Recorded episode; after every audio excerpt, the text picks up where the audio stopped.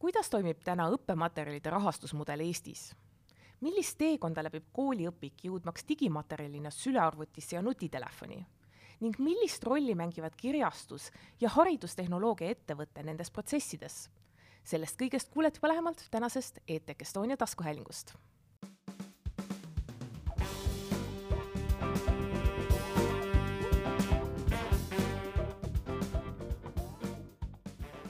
tere tulemast ETK Estonia taskuhäälingusse. minu nimi on Sabina Sägi ja täna on minuga stuudios Opiku asutaja ja tegevjuht Anti Rammu ning Kooliprii kirjastuse peatoimetaja Kadri Rahusaar. tere teile! tervist! tere! teeme alustuseks äkki väikese sõnade seletuse, et ma arvan, et eh, kooliprii sel-, iseenesest ei vaja seda, et teie, teie kui ühe Eesti vanima kirjastusena, ma vaatasin, et üheksakümmend üks lõite lahku Valgusest, nii et väga, vägagi etableeritud, tegelete siis nii, nii palju, ma tegin oma eeltööd, Vikipeedia ütleb õppekirjanduse, sõnaraamatute, aime, laste ja ilukirjandusega. kas see vastab umbes tõele? jah, see vastab tõele, aga lisaks iga aasta veel näpuga veel teist ja kolmandatki et, et tööd jätkub teile, aga kui, kui Anti, kui on inimesi, kes ei tea täpselt, mis asi on õpik, opik, kuidas sa neile seletaksid seda uh,? jaa uh,, opik on nagu mitu asja mm, -hmm. aga ennekõike ta on uh, digitaalne õppekirjanduse varamu ja ta on ka samal ajal õppekeskkond mm. -hmm.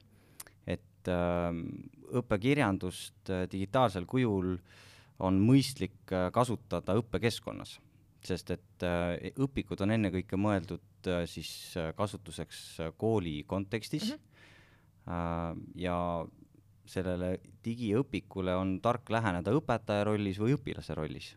ja Opik on siis see, mis võtab kokku õppekirjanduse digitaalsel kujul ja siis pakub kooli kasutajatele, aga ka erakasutajatele võimalust õppekirjandust tähenduslikult kasutada või sihtotstarbeliselt kasutada digitaalses keskkonnas ja kui minna natuke tagasi, siis noh, kirjastuste poole pealt, ma ei tea, võib-olla, võib-olla see on minu lihtsalt äh, lapsepõlve küsimus, aga üheksakümnendatel alati romkomides oli, et kõik töötasid kirjastustes, et see oli mingi selline number üks töökoht.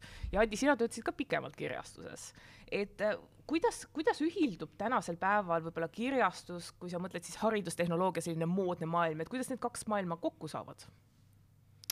Uh, no esiteks kirjastuses töötamine ongi väga äge sellepärast et äh, filmid tööt... ei valetanud. no just, et töötamine tekstidega ja tekstide levitamine, et äh, see on ühiskonnas ja kultuuris ja igasuguses tähendusloomes nii keskne asi mm -hmm. ja see peabki äge olema. ja ta on ka üld, ühtlasi seostub äh, nagu targa töötamisega mm, -hmm. et äh, kirjastamises tuleb kasutada mm, palju oma mõistust ja loom-, loominguvõimet ja kõike seda, mis on, on kultuuris ja ühiskonnas väga väärtustatud aga nüüd äh, digitaalsel kujul äh, selles mõttes äh, see on, see on ikka sama asi, lihtsalt mida nüüd haridustehnoloogia toob juurde, on nii-öelda veel tõhusamad viisid neid tekste levitada mm -hmm. ja neid ümber kujundada.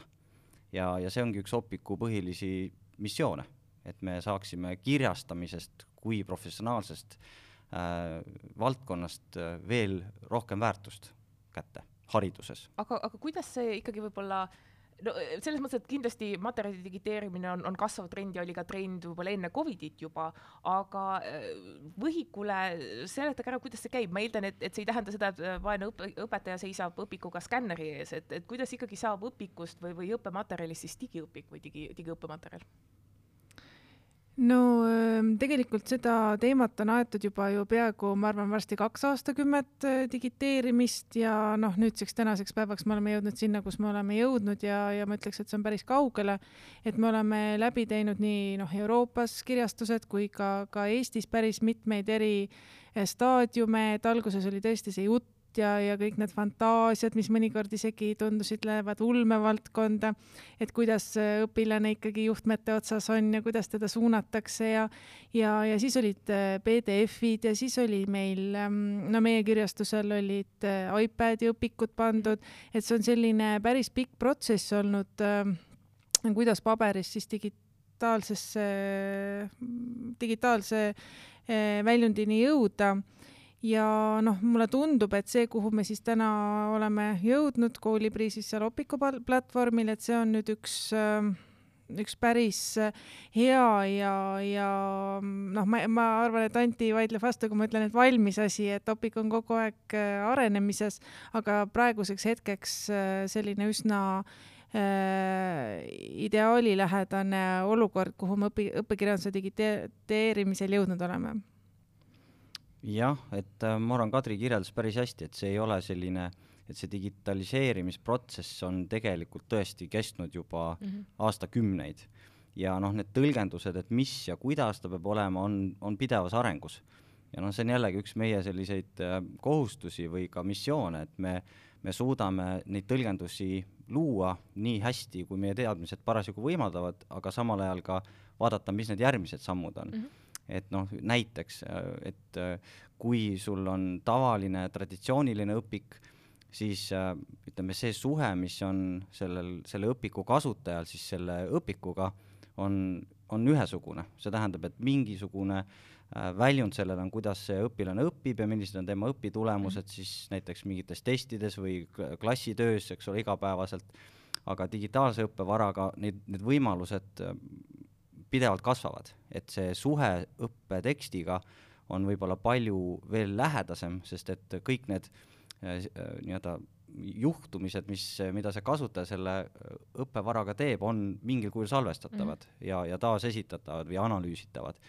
nii et, et näiteks seesama andmete valdkond on miski, millega nüüd moodsa digiõppeplatvormi looja või siis õppekirjanduse lahenduse looja peab arvestama et äh, mida sellega saab teha täna, mida sellega saaks teha tulevikus ja mitte ainult, et loomulikult me räägime ka ja ütleme näiteks illustratsioonidest, et kui tavalises õpikus me oleme harjunud piltidega, siis mm -hmm. digiõpikus me eeldame juba, et loomulikult, et tegemist oleks liikuvate piltidega, eri tüüpi liikuvate piltidega, aga miks mitte ka virtuaalsete keskkondadega, et ma võin selle õpiku kaudu avada hoopis äh, täiesti teistsuguseid kogemusi kui mm, -hmm. kui see, mis äh, millega me harjunud oleme. nii et kõik see on see, millega me peame arvestama ja, ja õigesti planeerima, et millal me mida teeme ja mm, -hmm. ja, ja mis on mõistlik teha ja mida mitte aga võib-olla küüniline inimene arvaks, et aasta kakskümmend kakskümmend kolm äh, Covidi kõige hullem aeg loodetavasti on läbi, inimesed istuvad jälle koolimajas sees, et no need VR-i asjad on ju toredad, aga mul laps juba koolis, miks me, miks me vajame seda nii digiks asja ajada, et mida, mida te neile vastaksite?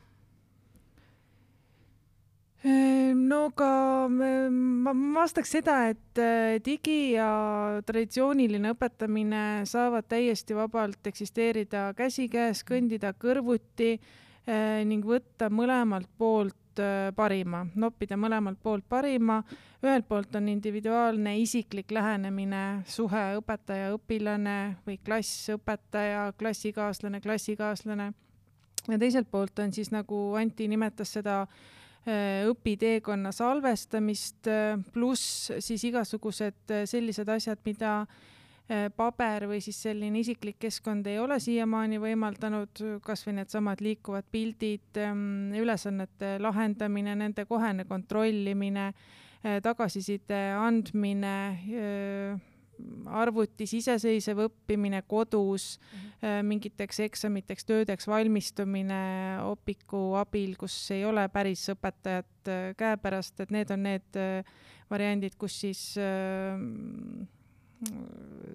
digita-, digitaalne maailm saab meile abikäe ulatada. jah, ma usun, et see tasakaal on see, see võtmeküsimus siin, et, et ei, ei saa meist keegi öelda, et nii on õige ja nii on vale või noh, et mis see tõde on, et see mhm. kindlasti ei ole ükski äärmus, et see ongi äh, tasakaal, mis, mille selgitab välja hea õppimise praktika ja õpetamise praktika. et me peame lähtuma sellest, et kuidas me äh, kõige paremini saame õppida ja, ja kõige paremini jõuame õpitulemusteni, mida me, mida me soovime ja eeldame, et õpilased saavutavad. aga te mõlemad mainisite ka andmete salvestamist, et mida see endast kujutab, sest äh, võib-olla see esimene hirmu mõte on, et nüüd õpetaja teab, kas ma lugesin seda lehekülge või mitte no täpselt, täpselt. seda see tähendabki ei no jah, eks see on nii lai teema. Vikipeediast vaadata kokkuvõtet arvamatul peab läbi lugema. Jah, et äh, noh, selles mõttes, et see, kuidas äh, nüüd haridustehnoloogia lahendus äh, isikuandmeid või üldse andmeid käsitleb, on ja peabki olema avalik teave kõigile mm -hmm. kasutajatele ja noh, nii on ka meiega, et kõik, kes tahavad teada täpselt, milleks mida tehakse, kuidas tehakse, on, on siis teenuselehtedel vabalt kättesaadav, aga no põhimõte on selles, et tuleb koguda ja võib koguda neid andmeid, mis aitavad õppimist ja õpetamist paremaks muuta mm, -hmm. et see, see on selle teenuse enda parendamise või ka parema teenuse pakkumise eesmärgil kogutavad andmed ja noh, see on väga laiali äh, see on väga, väga lai teema, neid andmeid võib olla väga palju ja väga palju erinevaid. et alates siis isikunimedest mm -hmm. kuni, kuni nende tegevusteni, kuni õpitu-, õppetegevuste ja tulemusteni äh, siis keskkonnas, mis ta seal teeb täpselt, nii et jah, siin on palju neid võimal-, võimalusi. Ja me rääkisime, eh, et, et õpetajad, õppurid, aga kes on põhiline Opiku sihtrühm, et kas seda saab kuidagi piiritleda, sest eh, vaadates teie, teie eh, kodulehte, neid raamatuid on väga palju, aga, aga kas on, kas on nagu kindel, et kui nüüd kuulaja mõtleb, et ma ei tea, kas minu laps kasutab seda või kus, kus minu ajal koolis kasutati seda, et, et kes, kes on see sihtrühm? Uh,? Sihtrühm on kõik õpilased ja õpetajad, kes käivad uh, või õpetavad koolis ja just siis uh, põhiharidust ma pean silmas ja mm, ja siis äh, noh, see tähendab siis klassid üks kuni kaksteist on kõik Opiku äh, kliendid mm. -hmm või kellele sellest võib kasu sündida? no põhimõtteliselt kõik Eesti üldhariduskoolid, õpetajad, õpilased, äh, lapsevanemad, sest äh, Opikus on ikkagi kõik seesama, noh, ma ei ütle nüüd seesama materjal, aga mm. aluse on see saanud ikkagi nendest äh, paberõpikutest, mis on neil niikuinii koolis kasutusel ja neid on siis ähm, võimaluste ja ainevõimaluste piires äh, väärindatud, edasi arendatud, lisatud äh, väga palju lisamaterjale. et, et põhimõtteliselt äh, see õpisisu on kõik sama, millega on koolid noh, laias plaanis harjunud aastate jooksul, et see on äh, Äh, lihtsalt äh, edasiarendus digimaailma. Ja edasiarendus äh, kõlab, kõlab nagu midagi, mis vajab lisavahendeid, et võib-olla saaksid äkki, äkki ära seletada mulle, et õpikute rahastamismudel, et kuidas see tänapäeval üldse käib koolis, et öeldakse ikka, et Eesti hariduses õpetajatel palju autonoomiat, et kui palju see, kui palju ta tegelikult seda, tal seda autonoomiat on ja kuidas digi siia puutub? No meil on olemas õpikud, kirjastused annavad välja õpikuid äh, ja õpetajatel on selles mõttes autonoomia valida, et kui on ühes klassis mingis aines mitu õpikut, et siis ta teeb oma valiku, et millise tema oma õpilastega äh, kasutusele võtab, aga selle juures on muidugi see probleem, et ähm, kuna õpikuid ostavad koolid ja need jäävad siis niimoodi laenutussüsteemi, siis see ühe, ükskord tehtud valik jääb päris mitmeks aastaks sinna kooli ringlema, et noh, siis tuleb ka leida kooliõpetajate hulgas selline konsensus, et, et, et õpetaja ei ole oma otsuses selles mõttes nagu päris autonoomne, et tuleb ka kolleegidega arvestada.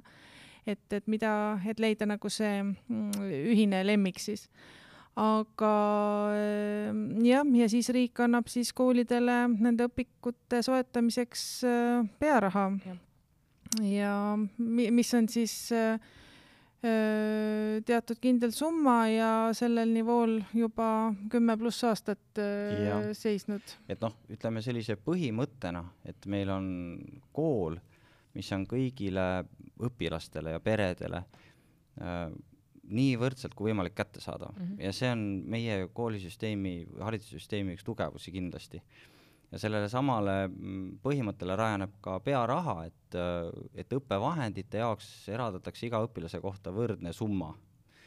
aga nüüd, ja see tõesti, nagu Kadri ütles, see summa on juba aastakümme, kui mitte rohkem, püsinud samana, aga noh, me teame, mis on juhtunud üldse elukallidusega laiemalt ja noh, tekibki küsimus, et kui äh, nüüd selle viimase kümne aasta jooksul on tekkinud täiesti uus kiht äh, tehnoloogiat ja õppesisu mm, -hmm. mida me eeldame, et Uusi millele jah, millele õpilased võrdselt ligi pääsevad, mida nad saavad siis äh, oma parimaks äh, õppimiseks ära kasutada, siis äh, tekibki olukord, kus tuleb teha väga raskeid valikuid mm -hmm. ja, ja noh, tänaste vahenditega paraku tuleb öelda, et mingid asjad jäetakse valimata äh, siis mingite teiste asjade kasuks ja meil ei ole enam sellist võrdset olukorda nii et, et noh, siin on omad väljakutsed, et see, see idee ja see, see põhimõte on, on äärmiselt õige ja väga tugev, aga lihtsalt uute tehnoloogiate tulekul tuleb arvestada, et need iseenesest kuskil ei teki ja selleks mm. tuleb ka teha investeeringuid. et noh, see on pigem niisugune laiema ringi küsimus, mida tuleks selles võtmes kindlasti arutada, et kui me tahame jätkusuutlikku ja pikka iga digiõpikutele, tehnoloogia arengule, no mitte ainult õpikutele, üleüldse haridustehnoloogiale kui sellisele, mis panustaks meie kooli ja haridussüsteemi süsteemselt, siis, siis see küsimus on kindlasti keskne, jah ja võiks ju arvata, et äh, digisse oleks pidanud viis-kümme aastat tagasi panustama, et kas see rong on siis nüüd läinud või viimane aeg, et, et saame aru, et äh, see, see on siin, et jääda? ma ütleks, et ei, ei saa öelda, et me ei oleks ühiskonnana seda teinud mm. -hmm et meie, et me ei oleks investeerinud ja panustanud, pigem mida on näha, et sellist süsteemset äh, kestvat lahendust ei ole sellele, mis nagu arvestaks kaasaja äh, Äh, siis nõudmiste ja, ja siis võimalustega. et aga äh, mis oleks see, see, see lahendus sinu pilgu läbi või teie pilgu läbi, millel oleks kõige rohkem sellist äh, jätkusuutlikku nooti? Mina usun sellesse mudelisse meil on, mina lihtsalt paneksin rohkem ressurssi sellele, et mm -hmm. koolide vabadused, õpetaja autonoomia, just neid hübriidlahendusi rakendada, nii digi, nii paber, just et tema õppeprotsessi järgi oleks suurem see tähendab, mhm. et ta ei pea piirama ennast, et oo oh,, et näed, ma tahan seda äh,, eks ole, rakendust kasutada ja ma tahan seda õpikut osta, aga, aga need kaks kokku nagu löövad selle eelarve lõhki ja mul mm -hmm. ei ole seda võimalik teha, et mina vaataks ikka selle pilguga, et, et kuidas ta seda saaks, mis on need võimalused, et tema saaks üles ehitada parima võimaliku õppimise raja siis oma mm -hmm. õpilastele ja siis sellest lähtuvalt teeks need arvutused, kui palju siis on vaja sinna, aga täna see ei vasta sellele. see ei vasta sellele, õpetajad ei saa ja õpilased ei saa neid vahendeid, äh, mis, äh, mida nad võiksid saada mis neil võiks olla. ja, ja mina mäletan oma kooliajast, mul on äh, kaksteist aastat vanem vend ja, ja juhtus ka niimoodi, et, et saime, saime õpikud ja seal taga oli, vanasti olid kirjas need nimed, et kes mm -hmm. teda laenutanud ja oli ka minu vend seal veel sees. et äh, sama info, infot õppisime. Ähm, ma eeldan, et opikul seda tõenäoliselt ei ole, sest teie eelis ongi ju see, et teil on võimalus käia kaasas muudatustega, mis, mis materjalidel äh, vaja on. kuidas see protsess käib, et kui, kui õpetaja võtab opikut ja ta eelistab mitte ainult liikuvaid pilte, videosid, seda elementi, vaid ka ajaliselt muutuvas maailmas kaasas käivat informatsiooni, et saad sa äkki nagu seda protsessi natuke seletada? Äh, see on väga oluline osa meie igapäevatööst, et äh, platvorm on igapäevases äh, siis suhtluses ja koostöös õpikukirjastustega, kes omakorda suhtlevad autoritega, toimetajatega, kes selle õppevaraga tegelevad mm. -hmm. et, et kogu selle õppevara taga on ikkagi professionaalne tootmis- ja loomisprotsess mm. -hmm. ja meie saame kirjastustelt sisendit, millal on vaja mis teoseid äh, uuendada ja see on tõesti igapäevane, et äh, Eesti Opiku varamus toimub igakuiselt selline suurusjärgus sada teose uuendust keskmiselt mm, -hmm. et äh, no olenevalt kuust, et vahepeal rohkem, vahepeal vähem, aga ütleme, suurusjärk on niimoodi, et need õpikud on ikkagi pidevalt kaasajastatud ja muutuvad. ja siin on väga oluline ka kasutajate tagasiside mm. -hmm. et me saame väga palju äh, tagasisidet äh, õpiku kasutajatelt, kes annavad siis vihjeid või, või panevad vigu tähele näiteks või, või ükskõik millist sellist äh, konstruktiivset tagasisidet saame kohe ära kasutada et see on võib-olla ka nagu pluss selles mõttes, et äh, kindlasti on, on kooliprii ka avatud tagasisidele, aga mina kui, kui lugeja võib-olla kardaksin kirjutada kooliprii.kooliprii.ee, et ma leidsin siin ühe komavea. ma nüüd äh, humoorikalt liialdan seda, aga, aga võib-olla siin on lihtsalt ka kasutaja mugavam nagu see protsess, et hei, see on, see on digi, see on firma, ma kirjutan sinna. ja no ta saab just sellesama sisuühiku juures anda selle tagasiside, mis nüüd siia kuulub, et ta ei pea kuskile astuma sealt keskkonnast välja mm -hmm. ja hakkama kirjutama, vaid ta ütleb sellesama ülesande või tekstilõigu juures, et näed, siin on selline asi ta ei pea isegi enda andmeid sinna jätma, see info jõuab operatiivselt meie töölauale, meie suuname siis jälle sisu omanikule selle edasi, kes saab kohe selle muudatuse või paranduse ellu viia või siis, või siis äh, teha otsuse, et see tegelikult äh,, sest noh, juhtub ka seda, et kasutaja saab millestki valesti aru mm -hmm. või, või ühesõnaga, et see, see tegelikult ei vajagi muutmist, et ja, ja kindlasti kvaliteedikontroll on, on ju selle juures väga tähtis, et me, me ei taha ju tekitada selles mõttes veel ühte sotsiaalmeedialikku äh, situatsiooni, kus võib-olla õige info leidmine on, muutub aina mhm. keerulisemaks tänapäeval mm. -hmm aga eh, praegu, mis on, mis on hariduse poole peal väga suureks teemaks, on ähm, kõik õppekavade uuendused, ehm, eestikeelsele õppekavale üleminek, lihtsustatud õppekavad, et eh, millised plaanid on võib-olla nii kirjastuse kui ka Opiku poolt, ehm, et, et kaasas käia nende vajadustega, mis praegu tekivad? no hetkel on kõik kirjastused kindlasti ooteseisundis, et millal Vabariigi Valitsus uue õppekava vastu võtab, et siis meil on täiesti kindel et, et see nüüd on vastu mhm. võetud mm. -hmm aga loomulikult kõik on tutvunud nende eelnõudega, projektidega, mõelnud äh, klasside ainete kaupa läbi, töötanud need äh, uued õppekavad, teinud tabeleid, kus on vaja mida muuta, võib-olla osas ei olegi, osas rohkem, osas vähem ja noh, Opik on ju selleks ideaalne võimalus võimalikult kiiresti, võimalikult palju äh, muudatusi äh, sisse viia seda enam, et praegu on ju äh, planeeritud uue õppekava rakendumine ühe aasta jooksul. et äh, jah. mis on omaette kurioosum jah, sellest võiks ja kohe eraldi, eraldi podcast'i teha, teha.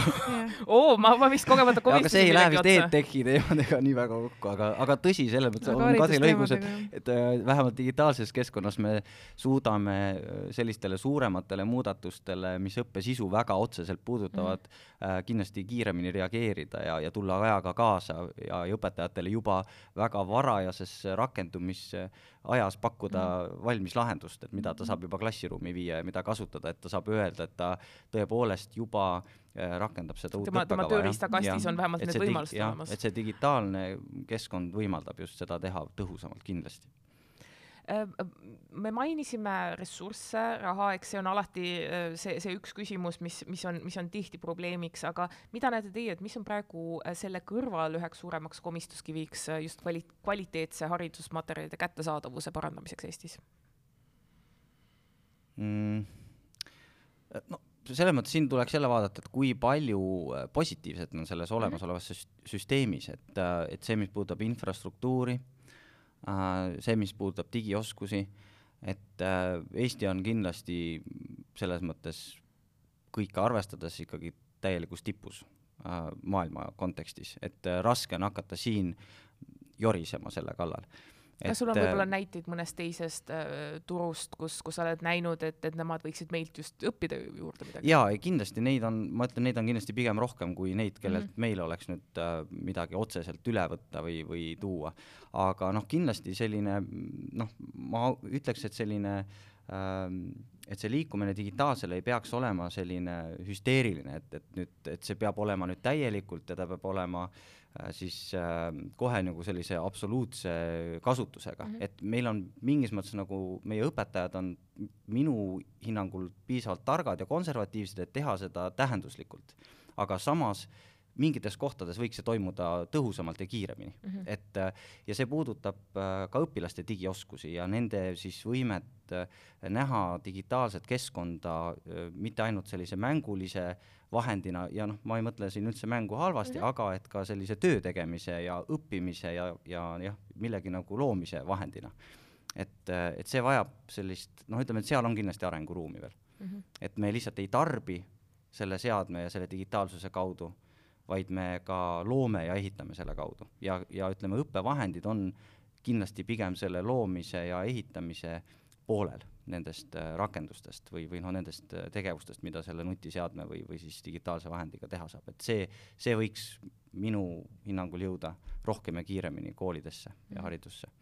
Kadri, kuidas sina seda näed?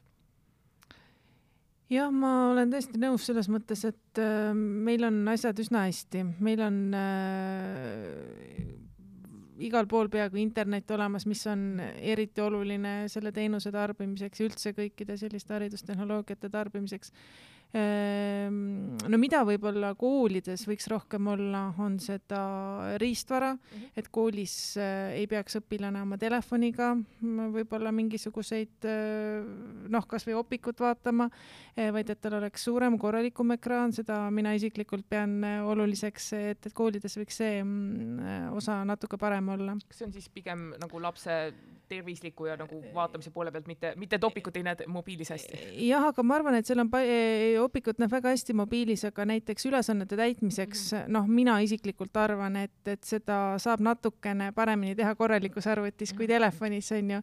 E, noh, Anti ütleb, et. ei, täiesti õige, ei, ma olen nõus jah. et, et on... noh, tele, äpp on loomulikult äärmiselt vajalik, aga, aga noh, ma näen, et suures arvutis laps äh, pühendub natuke paremini, natuke rohkem sellele ja kui koolis oleks ka need võimalused, et siis, siis oleks äh, asi parem.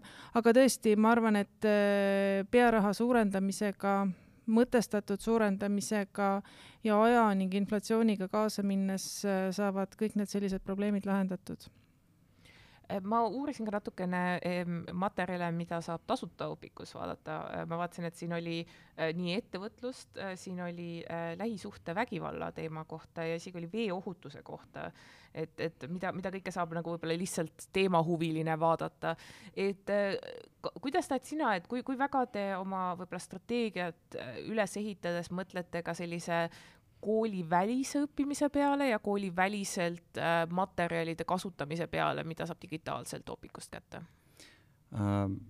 noh, need, mida sa nimetasid ja noh, meil on veel ka ju täiesti esinduslik äh, varamu tekkimas juba ka äh, haridusliku erivajadusega mm -hmm. äh, õpilaste õpikute mm, osas. et äh, kõik see, mis on õppekava ja see igapäevase kooliga seotud ja mida saab sinna siduda, selle, selle koht on kindlasti Opiku varamus mm. -hmm.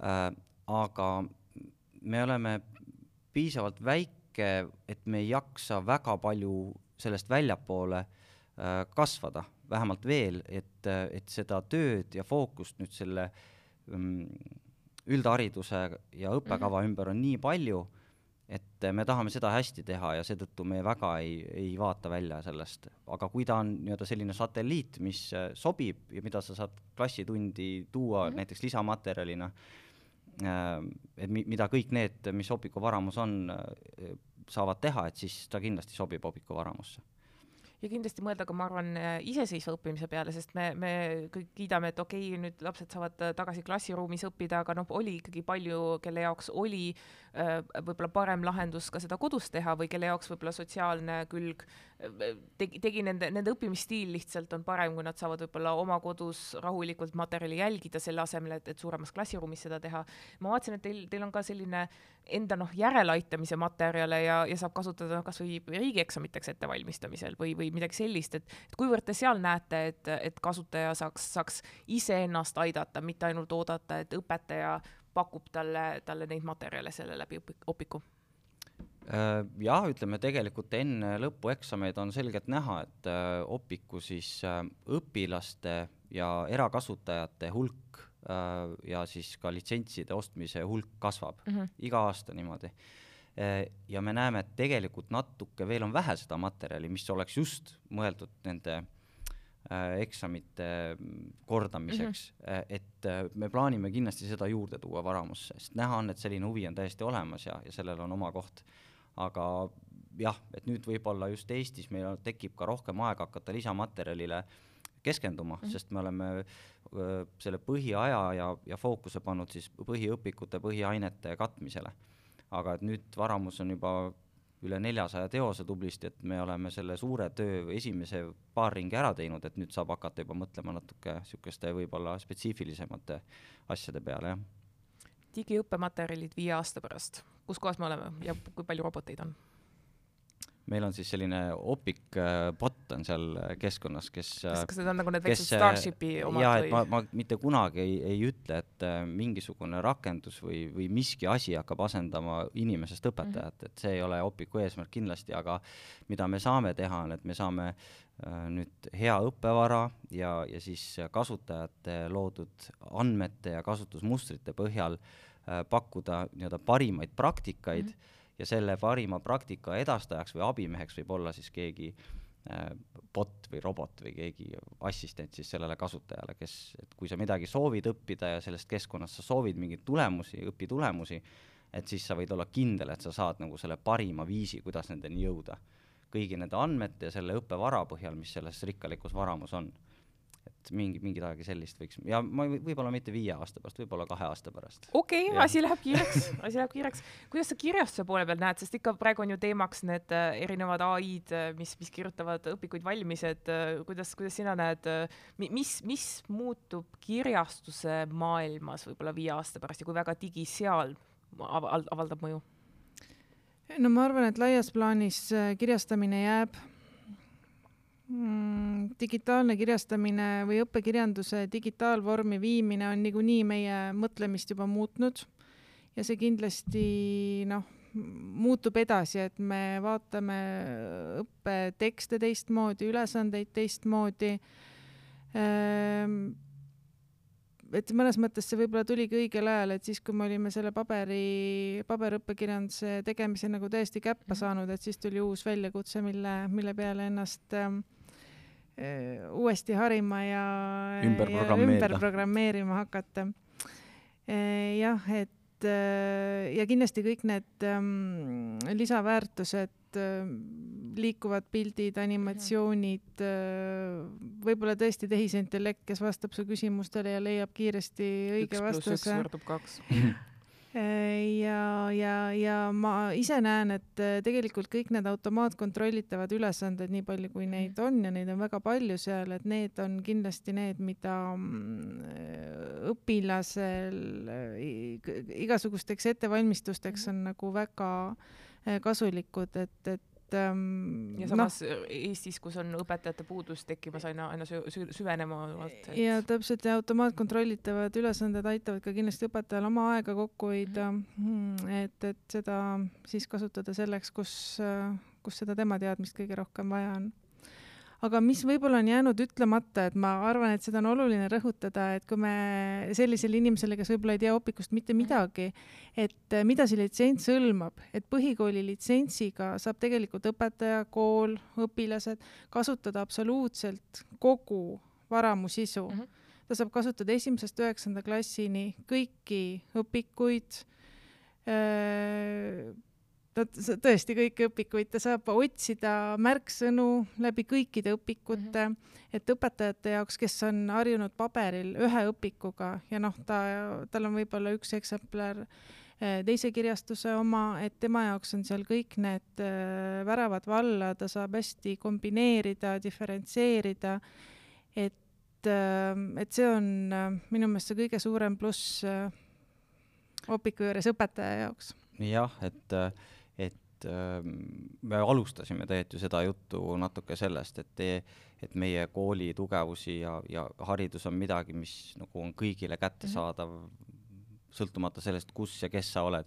ja see digitaalse varamu mm, kontseptsioon äh, on ka see, et õppekava ja sellega seotud õppematerjalid ehk kõik need teadmised, mida me oma kooliteel läbime või mida me peaksime omandama, et see on midagi, mis on meile kogu aeg kättesaadav, see ei ole kuskil isoleeritud keskkonnas mm -hmm. mingitel tingimustel kuidagi mingis võtmes kättesaadav, vaid see on midagi, mis on avatud meie jaoks kogu aeg ja mille sees me saame vabalt ringi liikuda, et see ongi selle digitaalsuse üks, üks võlusid või niisuguseid maagiaid, et ta, ta avab täiesti uued ruumid ja uued keskkonnad ja see haridus ja õppimine ja see, need teadmised mm, -hmm ja see su-, meie suhe selle, nende teadmistega on midagi, mis on meile kogu aeg olemas ja käepärast ja seetõttu väga niisugune lihtne litsentsimudel mm, -hmm. ostan endale ligipääsu ja ma saan kõik selle endale kohe kätte, et see on noh, mida me tegelikult ju teistest keskkondadest muusikas või, või meelelahutuses võtame iseenesestmõistetavana, et me enam ei jookse CD-plaatidega ringi. jah, mhm. täpselt, et ma sisenengi mingisse uut sorti ruumi mm -hmm. ja, ja see õppimise ruum on samamoodi. ja õppekava just, sest et õppekava on selline keskne ühiskondlik kokkulepe selle kohta, mida me õpime mm, -hmm. miks me õpime ja, ja, ja see saab olla meil kõigil olemas kogu aeg, et, et see on minu meelest väga tugev idee ja seda me üritamegi siin ellu viia. jah, ei ole enam seda, et õpilane ütleb, et aga ma andsin esimese, õpiku esimese osa ära, et ma ei saa seda vaadata, et see oleks nagu mingid teadmised, mis olid teatud õpiku mhm. esimeses osas, on igaveseks ära antud ja sellele mm -hmm. ligipääs puudub, on ju. et õpikus on sul ähm, üheksa aasta jooksul kõik no kaheteist aasta jooksul. kaheteist aasta jooksul uuesti tagasipöördutav selle sisu juurde, et, et meelde tuletada. et luua ka võib-olla nagu konteksti erinevatele ainetele. täpselt, integreerumine. väga raske ja. oli seda, et, et kuskil on nüüd, täna on see lõpeb ja homme on see asi, aga, aga kõik on meie maailmas on ju seotud omavahel. jah et need ainete ja klasside piirid on ju ka ikkagi äh, kokkuleppelised mm, -hmm. ega teadmised ei tunne ju sise, seesmiselt selliseid piire et see digitaalne keskkond võimaldab selle kõik avada ja, ja teha omavahel seotuks ja kättesaadavaks. ja, ja luua uusi seoseid. jah üks asi, mis, mis on alati siin äh, haridustehnoloogia inimestega rääkides põnev minu jaoks on, et äh, väga paljud on, on sellised noored founder'id, kes on mitu, mitu startup'i juba teinud ja, ja käinud ja ähm, kui ma Anti sinu kohta natukene lugesin, siis äh, mul tekkis kohe uudishimu ja ma loodan, et, et see on okei okay,, et, et ma, ma natuke uurin, et sa õppisid teoloogiat omal ajal mm -hmm. Tartus ja Šveitsis ja töötasid pikalt kirjastuses ja lisaks oled sa ka kogenud kaardisõitja mm. -hmm väga põnev tagapõhi, kuidas sellest juhtus kaks tuhat neliteist siis haridustehnoloogia ja, ja Opik? Äh, no mina olen üles kasvanud Õpiku kirjastuse sees mm, -hmm. et ma olen juba kuueaastasest saadik Õpiku kirastuses ringi tatsanud ja, ja kogu aeg üritanud aru saada, et no mis asi see õieti on ja mi, miks, miks see on ja mida see tähendab. ja, ja, ja noh, selles mõttes Opiku väljakasvamine kirjastusest on igati loomulik, sellepärast et äh, et, et aru saades või noh, jõudes sellise teadmiseni, et miks on õpikud olemas ja miks nad on väärtuslikud, et siis see küsimus selle väärtuse digitaliseerimisest või digitaliseerumisest muutus lihtsalt ühel hetkel keskseks mm -hmm. ja, ja selle lahenduse otsimine muutus ka keskseks ja siis kogu mu aeg läkski selle peale, kaks tuhat neliteist alates siis lõime Opiku äh, eraldiseisva platvormina ja, ja see, selles mõttes ta nagu loomulikult sellest kirjastamise ja õpikute mm -hmm. loomise keskkonnast välja kasvanud.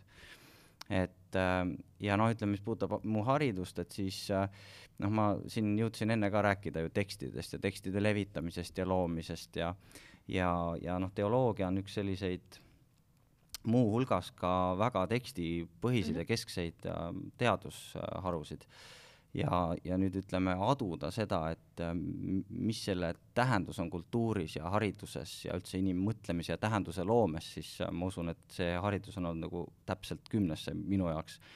Äh, et, äh, et mõtestada seda, miks me üldse teeme seda, mida me teeme, et, et selles mõttes on see jah, ma olen väga rõõmus ja tänulik. Ja no ütleme, kaardisport, autosport on no me rääkisime ju, et Opik on, kiirus on tema, tema pluss. jah, noh, ütleme see, siin on võib-olla seos sellise tehnoloogia armastusega, et äh, ikkagi lapsest peale on arvutid meeldinud ja, ja autod ja kõik need, et siis see on pigem selline hobi, mis, mis äh, kõige rohkem rõõmu pakub nendest äh, töövälistest tegevustest äh,, ma ütleks nii et see on jah, selline hea viis, viis Mitu võistelda teistega ja, ja lihtsalt lõõgastuda. See on ka võimalus lõõgastumiseks, eks ju. Ei, väga põnev iseenesest, kui inimene tahaks Opikust rohkem teada, siis ja, ja tal ei ole võib-olla õpetajat, kelle poole pöörduda, kus, ta leiaks rohkem informatsiooni? Ehm,?